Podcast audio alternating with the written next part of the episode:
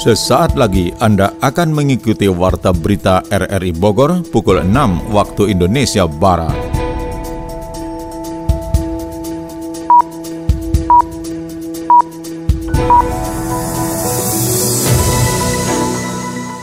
Selamat pagi dan salam jumpa. Kami kembali hadir dalam Warta Berita pagi ini. Kamis 28 September 2023. Berita utama pagi ini adalah pemerintah dalam kurun satu bulan ke depan akan mengintegrasikan sistem moda transportasi publik yang menghubungkan Jabodebek. Kementerian Lingkungan Hidup dan Kehutanan menindak 50 perusahaan di wilayah Jabodetabek yang terbukti melakukan pencemaran lingkungan.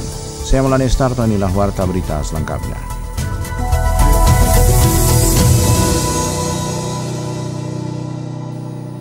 Pemerintah dalam kurun waktu satu bulan ke depan akan mengintegrasikan sistem moda transportasi publik yang menghubungkan Jakarta, Bogor, Depok, dan Bekasi. Menko Bidang Kemaritiman dan Investasi Luhut Binsar Panjaitan mengatakan Presiden Jokowi memerintahkan untuk mengintegrasikan sistem moda di Jabodebek. Sistem angkutan integrasi ini dibuat dalam satu organisasi, tidak terpecah-pecah ada BUMN, Pemda, dan Pusat. Luhut Binsar Panjaitan seusai rapat terbatas di Istana Merdeka Jakarta Rabu siang mengatakan Presiden juga meminta adanya kebijakan yang mengatur tentang sistem transaksi tiket perjalanan terintegrasi. Luhut menargetkan seluruh tahapan dan kebijakan itu rampung dalam satu bulan ke depan, mulai bentuk organisasi hingga kebijakan subsidi. Kementerian Lingkungan Hidup dan Kehutanan menindak puluhan perusahaan yang melakukan pencemaran lingkungan. Total sudah sekitar 50 perusahaan di wilayah Jabodetabek yang ditindak. Adi Fajar Nugraha melaporkan.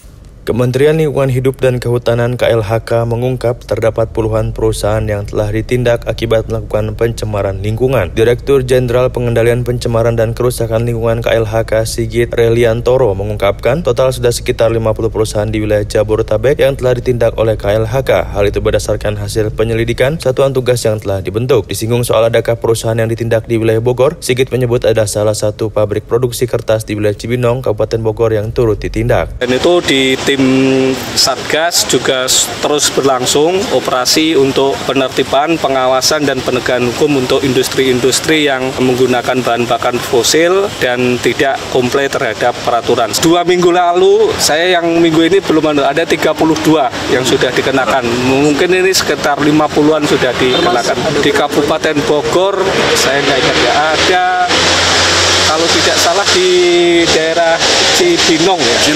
ya menjadi wilayah yang air sungainya kerap tercemar limbah pabrik, Ketua Komunitas Peduli Sungai Cilengsi Cikeas Puarman mengatakan bahwa kehadiran pemerintah sangat penting untuk melakukan tindakan terhadap perusahaan pencemar lingkungan. Ia ingin pemerintah berkomitmen untuk menindak tegas para perusak lingkungan dan bahkan jika perlu perusahaan yang terbukti melakukan pencemaran harus ditutup operasionalnya dan pidanakan pelakunya. Melakukan pembinaan dan pengawasan selama ini. Sekarang sudah sudah bukan eranya lagi kalau sudah tidak bisa diawasi, sudah tidak bisa dibina, mohon maaf, harus ada penindakan yang tegas. Apa itu penindakan? Tutup pabriknya dan pidanakan pelakunya. Sementara itu Bupati Bogor Iwan Setiawan menuturkan terkait permasalahan pencemaran Sungai Cilengsi merupakan permasalahan yang terjadi setiap tahunnya. Dengan kehadiran KLHK, pemerintah daerah Kabupaten Bogor pun merasa terbantu untuk sama-sama menyelesaikan persoalan tersebut. Pemerintah daerah pun tidak akan diam dan telah mengantongi perusahaan-perusahaan yang terindikasi melakukan pencemaran serta pihaknya juga tengah menyiapkan sanksi sesuai aturan yang berlaku. Udah ada beberapa perusahaan yang terindikasi melanggar. Ya mungkin nanti akan dalam memberikan uh, sanksi itu kan ada aturannya Pak itu Mbak. Jadi makanya kami lebih teknis nanti udah berapa nih perusahaan yang terindikasi melanggar dan apa sanksi yang akan kita terapkan terhadap perusahaan tersebut. Pemerintah meminta masyarakat juga turut aktif bekerja sama melaporkan jika terjadi pencemaran lingkungan di wilayahnya masing-masing, karena menjaga lingkungan merupakan kewajiban bersama, termasuk peran serta pemerintah, perusahaan, dan masyarakat. Maka seluruh stakeholder memiliki tugas untuk memastikan perusahaan tersebut menjalankan tugasnya menjaga lingkungan sesuai aturan.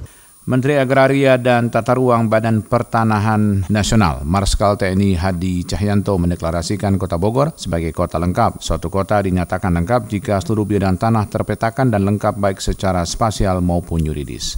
Sony Agung melaporkan. Menteri Agraria dan Tata Ruang Badan Pertanahan Nasional Marsikal TNI Hadi Cahyanto mendeklarasikan kota lengkap di Balai Kota Bogor Rabu siang kemarin. Dalam agenda yang diikuti langsung oleh Wali Kota Bogor Bima Arya dan jajaran Forum Komunikasi Pimpinan Daerah juga mendapatkan pengarahan langsung dari menteri tersebut terkait kota lengkap. Wali Kota Bogor Bima Arya memandang saat ini penting untuk terciptanya ketertiban tanah di Kota Bogor sehingga masyarakat mendapatkan manfaat dari tanah yang mereka tempati Untuk itu pemerintah Kota Bogor juga melakukan kolaborasi dengan Badan Pertanahan Nasional tempat agar semua tanah di Kota Bogor dapat mensertifikasi dengan baik dan benar. 150 hektar seperti kalau ceplok. Karena dikelilingi oleh warga kabupaten yang 5 juta. Di tengahnya itu 1,1 penduduk 1,1 juta penduduk dikelilingi. Banyak persoalan banyak dinamika tapi intinya kami harus memaksimalkan betul setiap jengkal tanah yang ada agar bisa memberikan manfaat dan itu tidak mudah kalau tidak berkolaborasi kami berusaha berikhtiar agar semua ruang publik itu memberikan manfaat bagi warga. Lapangan olahraga, kemudian pedestrian, taman-taman. Ada satu taman Pak Menteri yang tadinya klaim tumpang tinggi, Taman Gelap.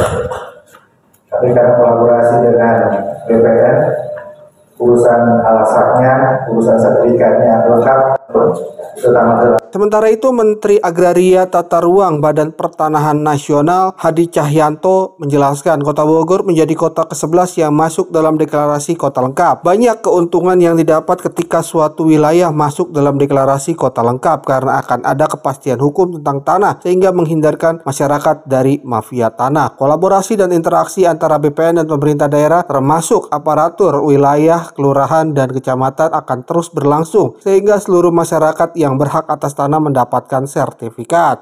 Kolaborasi, mulai dari kepala desa, camat, wali kota, dan BPN, termasuk APH, aparat penegak hukum, dan didukung oleh TNI. Orang bertanya, kalau sudah menjadi kota lengkap, apa sih keuntungannya? Yang jelas, kalau menjadi kota lengkap, artinya seluruh tanah di wilayah Bogor ini semuanya sudah terdaftar. Baik secara spasial maupun yuridis. Tadi disampaikan kalau secara, secara spasial berarti sudah tidak ada gap dan overlap. Zaman dulu kalau ada uh, pemilik tanah juga kadang-kadang tumpang tindih dengan tetangga. Ini sudah tidak ada karena sudah diukur secara kadastral dan secara spasial juga gambarnya jelas. Dan yang kedua, secara yuridis juga sudah bisa dibuktikan antara data fisik dan data yuridis itu semuanya akurat. Dengan adanya kepastian hukum ini, maka masyarakat dan investor bisa memastikan tanah yang mereka akan tempati sehingga hasil maksimal dapat dipetik untuk kepentingan bersama. Pemkot Bogor telah mengintervensi sedikitnya 23.000 unit rumah tidak layak huni. Laporan Adi Fajar Nugraha. Pemerintah Kota Bogor terus mendorong program Rumah Tidak Layak Huni atau RTLH untuk digalakan bagi masyarakat yang membutuhkan. Badan Perencanaan Pembangunan Daerah Bapeda Kota Bogor mencatat, berdasarkan Rencana Pembangunan Jangka Menengah Daerah atau RPJMD, Kota Bogor menargetkan 20.000 RTLH dapat diintervensi pada lima tahun masa kepemimpinan Wali Kota Bogor Bima Arya dan Wakil Wali Kota Bogor Dedi Arahim. Kepala Bapeda Kota Bogor Rudi Masudi menyebut saat ini berdasarkan data dari Dinas Perumkim bahwa Pemkot Bogor telah mengintervensi intervensi sebanyak 23.000 RTLH yang sudah berjalan. Angka tersebut sudah melampaui target yang ditetapkan dan akan terus diintervensi hingga tahun 2024 mendatang. Kemudian pembangunan rumah tidak layak huni ditargetkan 20 ribu rumah tidak layak huni. Sekarang tercatat di Perumkim sudah 23 ribu rumah tidak layak huni yang diintervensi. Artinya itu sudah melampaui dari target yang dijanjikan.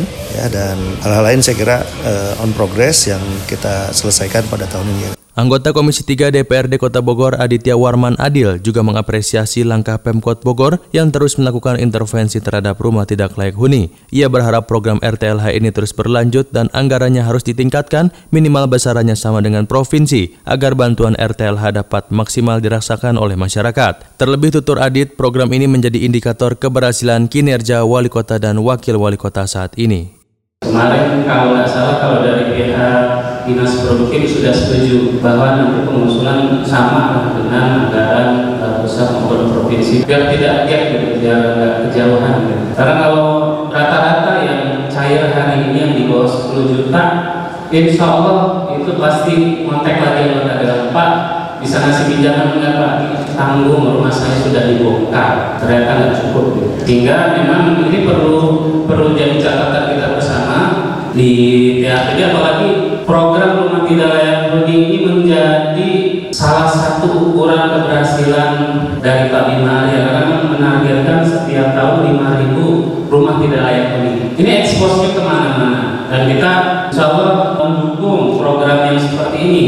Sementara itu sebanyak 4.363 rumah tidak layak huni atau RTLH di Kota Bogor pada tahun ini targetkan mendapat perbaikan dengan anggaran sebesar 43 miliar rupiah yang disiapkan melalui APBD Kota Bogor. Pemkot Bogor berharap dengan program RTLH dapat membantu meringankan beban serta mendorong peningkatan kesejahteraan bagi masyarakat.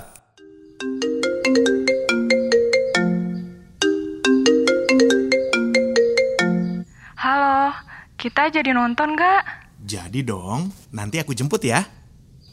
Mah, pinjem mobil ya.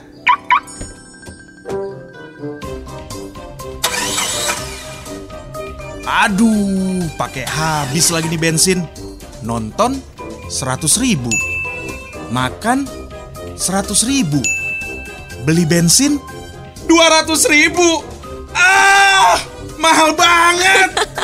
Bingung uang habis di bensin? Naik transportasi umum aja, aksesnya mudah, fasilitasnya nyaman, minim polusi, dan yang paling penting, tarifnya ramah di kantong. Yuk, transportasi umum menunggumu.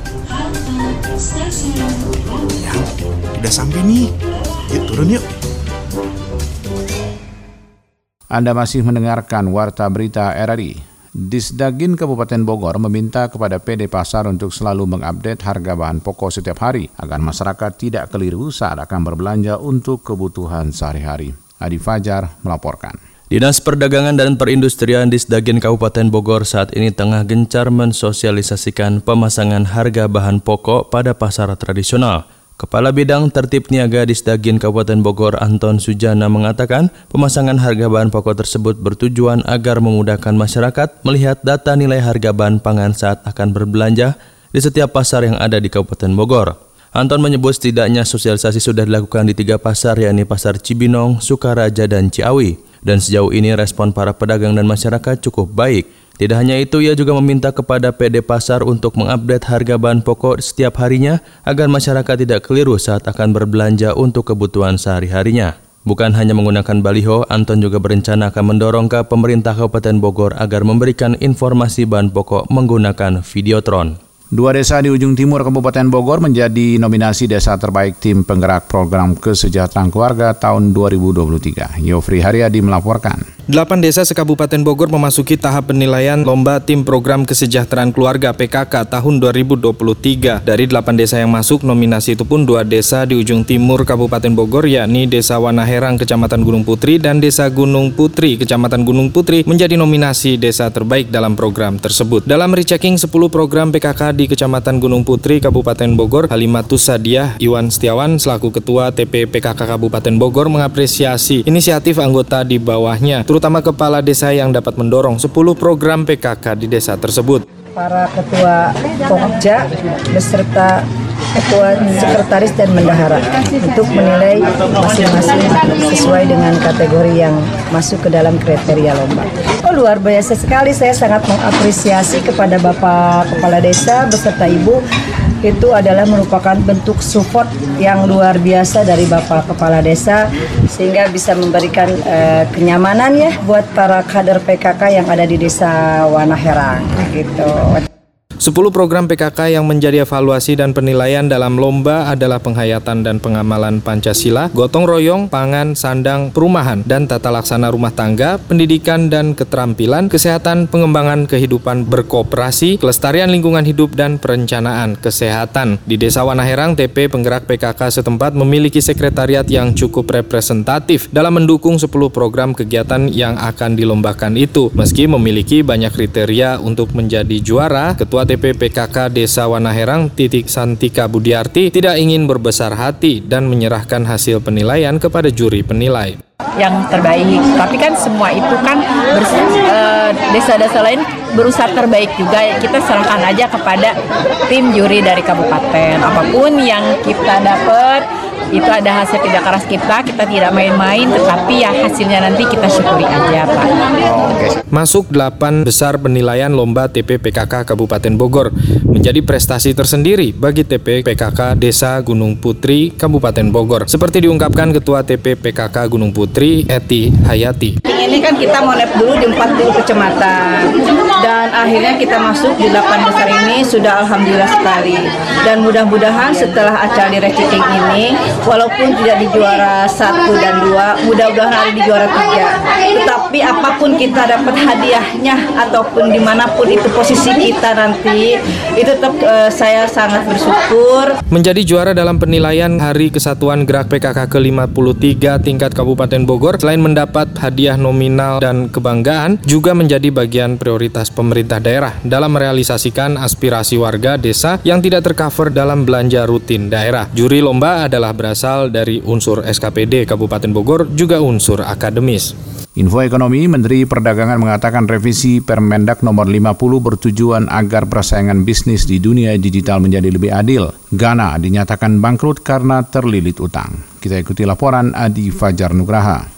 Menteri Perdagangan Zulkifli Hasan mengatakan revisi Permendak nomor 50 tahun 2020 bertujuan agar persaingan bisnis di dunia digital menjadi lebih adil tidak memberatkan atau menguntungkan satu pihak saja. Adapun revisi tersebut sudah diundangkan dalam Permendak 31 tahun 2023 yang menjelaskan aturan tersebut sengaja hadir untuk menata agar iklim bisnis digital di Indonesia tidak hanya menguntungkan satu pihak saja. Zulhas menjelaskan jika platform digital menggabungkan antara sosial media dengan sosial e-commerce menjadi satu, maka bisa mematikan bisnis lain salah satunya UMKM. Zulhas mengatakan social commerce hanya boleh mempromosikan atau iklan tanpa melakukan transaksi, sehingga hal tersebut mampu mendorong persaingan bisnis yang lebih sehat tidak mematikan. Lebih lanjut, Zulhas mengatakan Permendak 31 tahun 2023 bakal mengatur sejumlah aspek seperti pemisahan antara sosial media dengan social commerce hingga tidak boleh merugikan UMKM. Zulhas mengatakan aturan tersebut juga mewajibkan pemilik usaha harus mengikuti sejumlah regulasi lainnya. Ia mencontohkan untuk sektor kecantikan, mereka harus mempunyai izin BPOM, makanan harus ada sertifikat halal, serta elektronik elektronik harus memiliki SNI. Zulhas menegaskan aturan tersebut harus dipatuhi sehingga kualitas barang yang diterima oleh konsumen bisa terjamin serta sesuai dengan ketentuan yang ada di Indonesia. Ghana dinyatakan bangkrut karena terlilit utang pemerintah Ghana gagal membayar utang miliaran dolar kepada kreditur internasional. The New York Times melaporkan pemerintahan Presiden Nana Akufo-Addo tidak punya pilihan lain selain menyetujui pinjaman 3 miliar US dollar atau setara 46,5 triliun rupiah dari Dana Moneter Internasional atau IMF. Mengutip Afrika Business Insider pada Rabu kemarin, krisis Ghana berdampak sangat luas bagi perekonomian negara. Banyak kontraktor memberhentikan karyawan sehingga menambah jumlah pengangguran. Emmanuel Cherry sebagai kepala eksekutif sebuah asosiasi perusahaan konstruksi Ghana mengungkapkan kewajiban yang harus dibayar pemerintah kepada kontraktor sebesar 15 miliar CD atau 1,3 miliar US dollar. Angka tersebut belum termasuk bunga. Laporan tersebut juga mengungkapkan bahwa pemerintah Ghana berutang kepada produsen listrik independen sebesar 1,58 miliar US dollar. Ancaman pemadaman listrik kian meluas. Gagal bayar utang juga pernah dialami oleh Sri Lanka pada tahun 2022. Pemerintah Sri Lanka diberi masa tenggang 30 hari untuk menutupi bunga yang belum dibayar sebesar 78 juta US dollar namun gagal membayarnya. Data Bloomberg 2022 yang dilaporkan Visual Kapitalis menunjukkan daftar 25 negara lainnya yang terancam gagal bayar utang. Ghana pun ada di dalam daftar tersebut. Bloomberg menggunakan empat metrik untuk menghitung kerentanan suatu negara terhadap risiko gagal bayar utang. Keempatnya adalah imbal hasil obligasi pemerintah, kredit default swap 5 tahun, beban bunga sebagai persentase produk domestik bruto, dan utang pemerintah sebagai persentase PDB. Info olahraga kali ini tentang Sangwen Dharma Tanjung menambah perolehan medali perak untuk kontingen Indonesia dari cabang skateboard di Asian Games 2023. Tim hoki indoor putra dan putri Jawa Barat memastikan tiket lolos ke PON Sumut Aceh tahun 2024. Kita ikuti laporan Ermelinda. Prestasi sangat fantastis diraih tim hoki indoor putra dan putri Jawa Barat yang memastikan tiket lolos ke PON Sumut Aceh tahun 2024. Manajer tim hoki indoor putra Jabar Muhammad Saifuddin mengatakan, pada babak kualifikasi PON yang berlangsung di Eden Sport Pangasinan, Kota Depok lalu, tim hoki indoor putra dan putri Jabar meraih hasil gemilang dan masing-masing menjadi juara grup dalam BK PON kali ini. Selanjutnya tim hoki Jawa Barat akan melakukan program pembinaan seperti tryout ke luar negeri, yaitu benua Eropa. Aib Sapan akrab dari Ketua FHI Kabupaten Bogor mengatakan pemilihan negara Eropa karena untuk melatih fisik para pemain hoki agar lebih maksimal lagi dalam bertanding di PON nanti. Persiapan tim hoki Jabar kita akan berencana akan melakukan tryout-tryout ke beberapa daerah terutama daerah-daerah lawan yang akan kita pertandingkan nanti di PON di Medan nanti. Satu tim indoor putra itu 12 orang dan putri 12 orang jadi 24 orang untuk tim indoors kalau untuk tim outdoor itu 18 orang Raputri. Okay. Kita Oh. mengirimkan semua. Betul betul. Rencana kita juga ada tur Eropa juga untuk tim BK Jabar. Betul. Kita kan berusaha semaksimal mungkin untuk bagaimana daya tahan atlet terhadap eh, serang-serang lawan secara luar negeri kan berbeda dengan di kita. Artinya kita akan lebih memperkuat tim hoki Jawa Barat di kancah Eropa itu nanti. Aib menyampaikan sebelumnya dalam PK PON kendati berada dalam grup yang keras, tim hoki indoor Putra Jabar mampu tampil gemilang dan meraih semua kemenangan sebanyak enam kali. Sementara itu, Ono pelatih hoki Kabupaten Bogor yang juga dipercayakan sebagai pelatih untuk indoor Putri Jawa Barat mengatakan persiapan yang menjelang PON 2024 di Aceh Sumut. Menurut Ono, akan ada latihan secara umum dan khusus demi meningkatkan seluruh teknik permainan nantinya. Ya biasanya kalau untuk Jawa Barat sendiri kurang lebih di satu tahun persiapannya dari mulai tahap persiapan umum, khusus, pra pertandingan sampai nanti puncaknya pada saat PON di 2024. Kalau tidak salah September kalau tidak salah. Nah, kebetulan rest dulu untuk indoor kemarin pulang dari Depok itu beres kualifikasi mereka pulang dulu dan beberapa orang terpanggil untuk persiapan Asian Games di tim nasional. Di Jabar sendiri nanti tunggu tunggu kabar berikutnya program dari KONE dimulai bulan apa gitu. Yang pasti semua tim pelatih maupun atlet siap untuk persiapan menuju PON 2024. Ketua Umum Pengprov Federasi Hoki Indonesia FHI Jabar Syahrir mengaku sangat bangga dengan prestasi yang diraih tim hoki indoor putra dan putri yang memastikan tiket lolos ke PON Sumut Aceh. Ia berharap capaian pada BK PON kali ini akan menjadi motivasi untuk semua pemain hoki indoor putra dan putri Jabar untuk bisa meraih hasil gemilang di PON mendatang.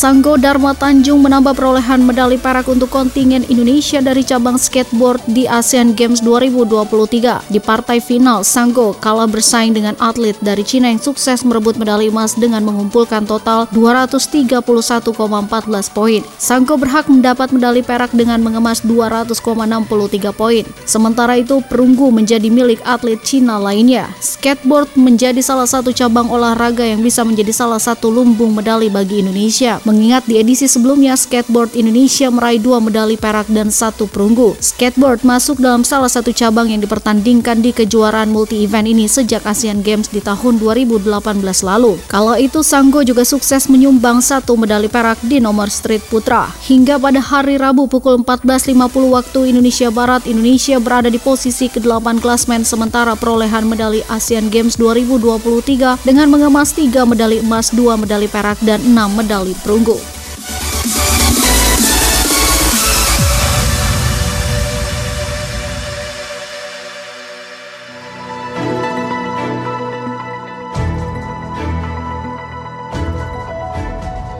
Demikian rangkaian informasi yang kami hadirkan di Warta Berita RRI Bogor pagi ini. Sebelum berpisah, kami kembali sampaikan berita utama. Pemerintah dalam kurun satu bulan ke depan akan mengintegrasikan sistem moda transportasi publik yang menghubungkan Jabodebek. Kementerian Lingkungan Hidup dan Kehutanan menindak 50 perusahaan di wilayah Jabodetabek yang terbukti melakukan pencemaran lingkungan.